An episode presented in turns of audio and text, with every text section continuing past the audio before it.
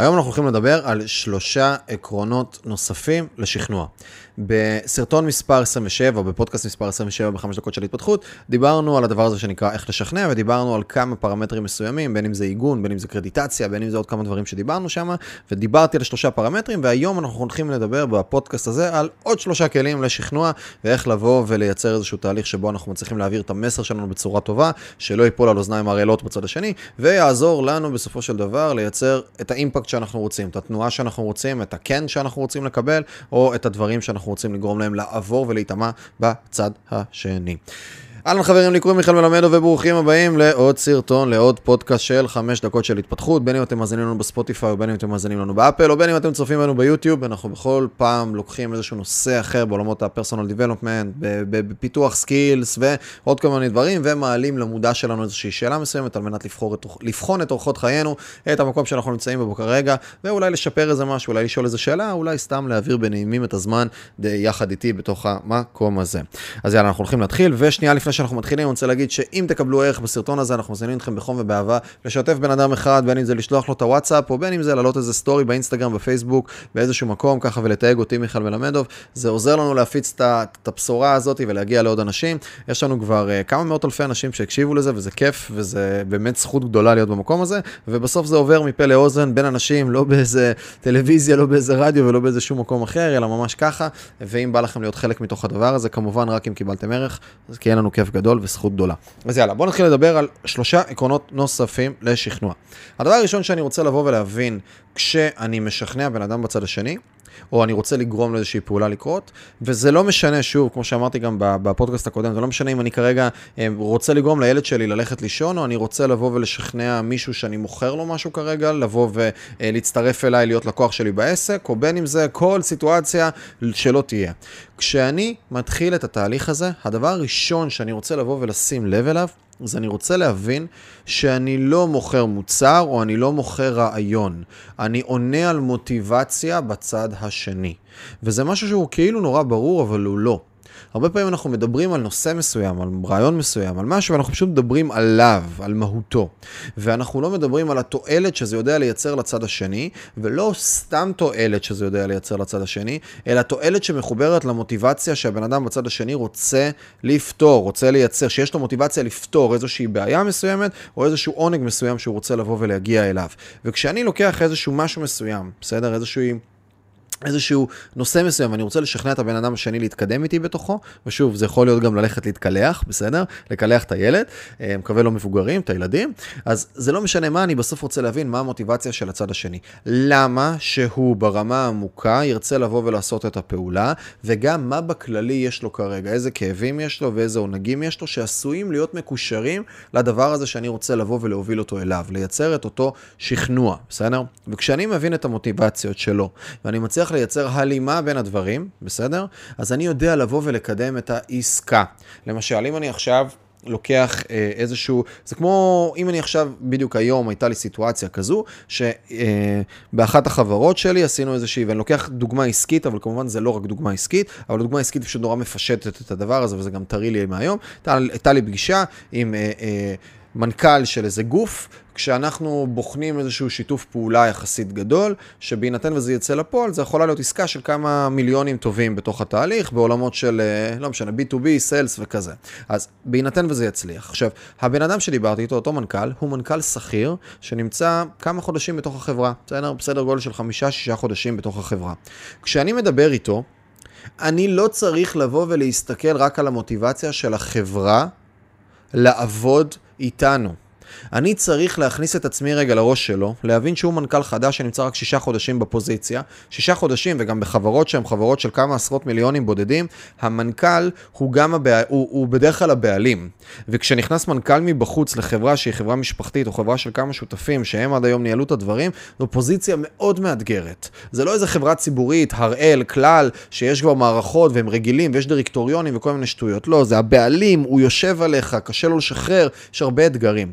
ואני עכשיו נכנס לנעליים של אותו מנכ"ל, ואני אומר לעצמי, אוקיי, הוא כרגע נמצא בסיטואציה שהוא צריך להוכיח את עצמו. והוא בארבע דקות, הסבירות שהוא באמת ייקלט, אגב, כמנכ"ל נורא נמוכה, אני מכיר את הסטטיסטיקות בעולם הזה.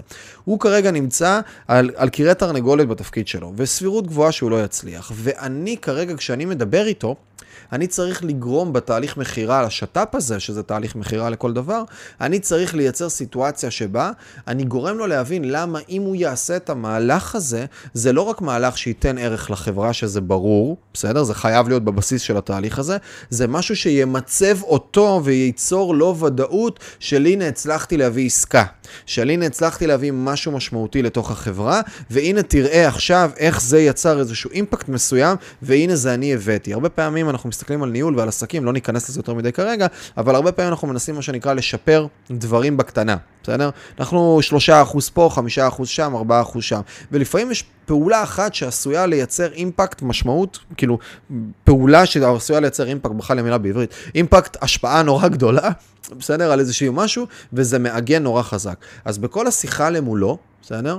אני מדבר איתו בכלל על איך הדבר הזה יכול לייצר את היציבות עבורו בדרך עקיפה. כי אני מבין את המוטיבציה של האדם שנמצא מולי, ואני מחבר את הפעולה שאני הולך לעשות יחד עם המוטיבציה הספציפית שלו. ואני מדבר איתו על האתגר שיש לו כרגע למול ההנהלה בלהעביר את זה, אבל מה האימפקט ואיפה היציבות שזה ייצור, ואיפה זה יהפוך להיות מין סוג של פרויקט דגל שהוא יוכל לדבר ולהראות וכולי וכולי וכולי.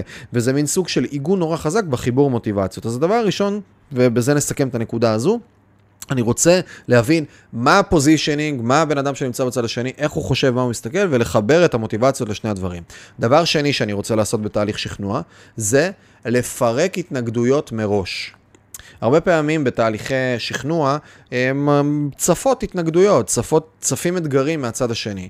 ולפעמים צפים אתגרים שהם יותר התנגדויות של אני מתנגד למשהו מכל מיני סיבות, ולפעמים צפות אמונות מגבילות, כל מיני דברים שמלכתחילה אני לא מאמין שזה אפשרי למשל, או זה לא נראה לי נכון כי כל מיני דברים שמוטמעים בי עמוק ברמה הפסיכולוגית. וכשאני רוצה לבוא ולשכנע מישהו, אני רוצה מראש להבין את ההתנגדויות שלו, מראש. ולראות איך אני כבר בתהליך הסבר שלי, בתהליך שכנוע שלי, אני כבר מנטרל את אותם מוקשים. אני כבר מנטרל את אותן התנגדויות. אני כבר יודע בסבירות גבוהה, וכנראה שתיקחו כל פעם שרציתם לשכנע מישהו למשהו, בסדר? וזה לא משנה אם זה לשכנע את הבן זוג לעשות רילוקיישן לחו"ל, או זה או בת הזוג, או זה עכשיו לשכנע, שוב, כמו שאמרתי מקודם, דוגמאות פשוטות, כמו לקחת כמה חברים לאנשהו. המקום הזה של ההתנגדויות, הוא צף לבן אדם אוטומטית, ואנחנו יכולים 70-80% מהם להבין מראש. ולכן אני כבר ארצה מלכתחילה לספר למה זה להפך, למה הדבר הזה הוא בדיוק למקום הזה ולמה זה טוב. למשל, סתם, סיטואציה מאחרונה והיא קצת מגוחכת. אני בתקופה האחרונה עובד לא מעט, בסדר? ואין לי זמן, ואני לא מוצא את עצמי נוסע עכשיו לחו"ל לאיזשהו מקום. ואז חבר רצה לשכנע אותי לטוס לחו"ל, ובאופן שבו הוא שכנע אותי, בסדר? באופן שבו הוא שכנע אותי, או אפילו אני אגיד באופן שבו הוא היה צריך עוד יותר לשכנע אותי, זה מלכתחילה הוא היה צריך להגיד, אוקיי, אין לו זמן, אז בוא נתפור את זה על סופש. מלכתחילה אני אציע את זה כסופש, ואז אני אגיד שזה הורג לו רק כמות נורא ספציפית של ימי עבודה, וגם אולי אפשר להגיד שאם יש לו איזה שהם חוסרים או משהו, אז הנה בדיוק בשבוע הזה, הוא בדק עם המזכירה שלי או המזכיר שלי, והנה פנוי פה בלוז לצורך העניין הדברים, ואפשר לבוא ואתה יכול לנקות לך שולחן של כל המשימות והדברים מראש, והוא כבר בא מלכתחילה כשהוא מבין שההתנגדות המרכזית שלי, הוא יכל לבוא. אגב, הוא בא חלקית בדבר הזה, לא בכל הדברים שאמרתי כרגע, אבל מראש אפשר היה לבוא ולנטרל את כל הדבר הזה שאני ההתנגדות המרכזית שלי, של שמע אחי, אין לי זמן. ואם מלכתחילה הוא בא כבר במסר של תראה איך זה לא פוגע לך בזמן, הסבירות שאני אגיד כן, יותר גדולה לאותה סיטואציה, ואגב, באמת בסוף טסנו לחו"ל, כן? לא שזה כזה אירוע וכזה שכנוע. אבל עדיין, זה מציג איזושהי נקודה של אני צריך להבין את הצד השני, להיכנס לנעליו, לייצר את אותה אמפתיה של להבין, להיכנס לנעליו, אבל מבלי לצאת מנעליי שני, של מנעליי שלי, ו... לנטרל את ההתנגדויות כבר מראש. ודבר שלישי, שאנחנו יכול לעזור לנו בתהליכים של שכנוע, זה הפשטה של המסר דרך הדבר הנפלא הזה שנקרא אנלוגיות. ואני לא יודע להסביר לכם, וזה אה, אה, חבר מאוד טוב שלי, ואדם שאני יכול להגיד שאני חב לו המון מהלמידה שלי, והרבה מהאדם שאני היום, אבי קאופמן, אה, שלקחתי ממנו את הדבר הזה שנקרא אנלוגיות. לקחתי ממנו באקסטרים, כן? הוא קיצון, הוא מעולה בזה ברמות שקשה להבין, יש לו גם קצת ניסיון חיים, אז הוא יודע לבוא ולשלוף כל מיני דברים, והאנלוגיות הרבה פעמים פשוט גורמות למסר להיות נורא ברור ומהיר. יש דברים מורכבים שמספיק שבשנייה אני אבוא ואספר את ה... אה, אני אתן את האנלוגיה ואני אפשט את הכל. שוב, ניקח איזושהי דוגמה עסקית, נניח ואני רוצה עכשיו לשכנע משקיעים או שותפים להשקיע בי, ואני מתחיל לספר להם סיפור עכשיו, אה, או אני מנסה לבנות צוות, או whatever, ואני מתחיל לספר כן, ומה שאנחנו עושים למעשה זה אנחנו לוקחים אה, אנחנו לוקחים את הפלוט, ואנחנו מחברים אותם דרך מערכת מסוימת, שמלכתחילה מנטרלת כל מיני תהליכים אה, ואתגרים בזיהוי שלהם, ומחברת אותם דרך השרת database שלנו, שיודע לבוא ולנטר מי נמצא בצד השני, וצריך כרגע מטפלת בתוך התהליך שלו, ואז בתצורה הזאת הוא עושה איזשהו review ו score, ו... או שאני יכול להגיד פשוט, תקשיב, אנחנו עושים סוג של אובר או גט טקסי, פשוט לעולם ה babysitting והטיפול. אותו משפט אחד פשוט בא ופישט את כל התהליך, ועכשיו נורא ברור לי לאן אנחנו לוקחים את הדבר הזה. עכשיו זו אנלוגיה ספציפית, אבל יש המון המון המון אנלוגיות שאם אנחנו נבוא, ואני יכול להגיד שאחד מהדברים שאני משתדל לעשות זה ללקט אנלוגיות. כי אתם תראו שהרבה פעמים בחיים, בסוף הסיטואציות הן חוזרות פשוט כל פעם באותה גברת בשינוי אדרת. כל פעם זה באיזה זווית אחרת. אז אם אנחנו אוספים לעצמנו ומלקטים לעצמנו את אותן הטרגות של הנה אוקיי, סיטואציה כזאת, אני שולף את האנלוגיה הזו, אתם תראו שבסוף יש חזרתיות ואנחנו יכולים לייצר לעצמנו איזשהו סל, וזה מה זה כלי. זה מה זה כלי הדבר הזה. סתם, אתן לכם דוגמה לאנלוגיה, שאגב, לקחתי מאבי קאופמן כדוגמה, שנגיד אנחנו באיזושהי סיטואציה עסקית, שמישהו מבקש כל מיני דברים, עסקית, אישית, זה לא משנה. אז הרבה פעמים זה, האנלוגיה ש, שלקחתי ממנו ואני משתמש בה המון, זה, אחי, תקשיב, אתה לא יכול לרצות רק להיות בחתונות, ולא להגיע ללוויות. יש פה מערכת יחסים. אתה רוצה להיות בחתונות? מעולה, יש גם לוויות מדי פעם. האנלוגיה הזאת, הפשוטה הזאת, עכשיו יכולה להעביר מסר שלם של אחי, או שאתה איתי או שאתה לא איתי. אל תנסה לקחת מה שאפשר ולא לקחת מה שאי אפשר. והיא בשנייה מעבירה את הדבר הזה, ונורא ברור לבן אדם שנמצא למולנו בסיטואציה. עכשיו, המקום הזה של חיבור של אנלוגיות הוא נפלא ונהדר, וזאת מיומנות, זה skill.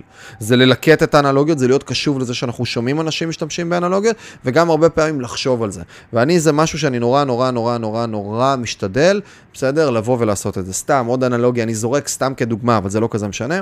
נגיד ועכשיו אה, יש לי עובד או יש לי מישהו בצוות שכרגע הוא ניסה להיכנס לאיזשהו תחום מסוים, אגב קרה לנו עם מנהל מכירות מסוים שנכנס אלינו לצוות, והוא איש באמת קייפבילי שעשה דברים באחד מהצוותים, באחד מהעסקים, איש קייפבילי שעשה דברים, והוא היה אה, מנהל מכירות בעולמות של, אה, של פורקס וכל מיני עולמות כאלה בחו"ל, בסדר? עשה איזושהי כפרה עם עצמו, עשה איזשהו תהליך, שחרר מכל העולמות האלה ובא באמת לבוא ולנהל אצלנו מכירות בעולם שהוא קצת אחר לחלוטין, עולמות של קורסים ומוצרים וכל מיני תהליכים כאלה באחת החברות שאני שותף בה.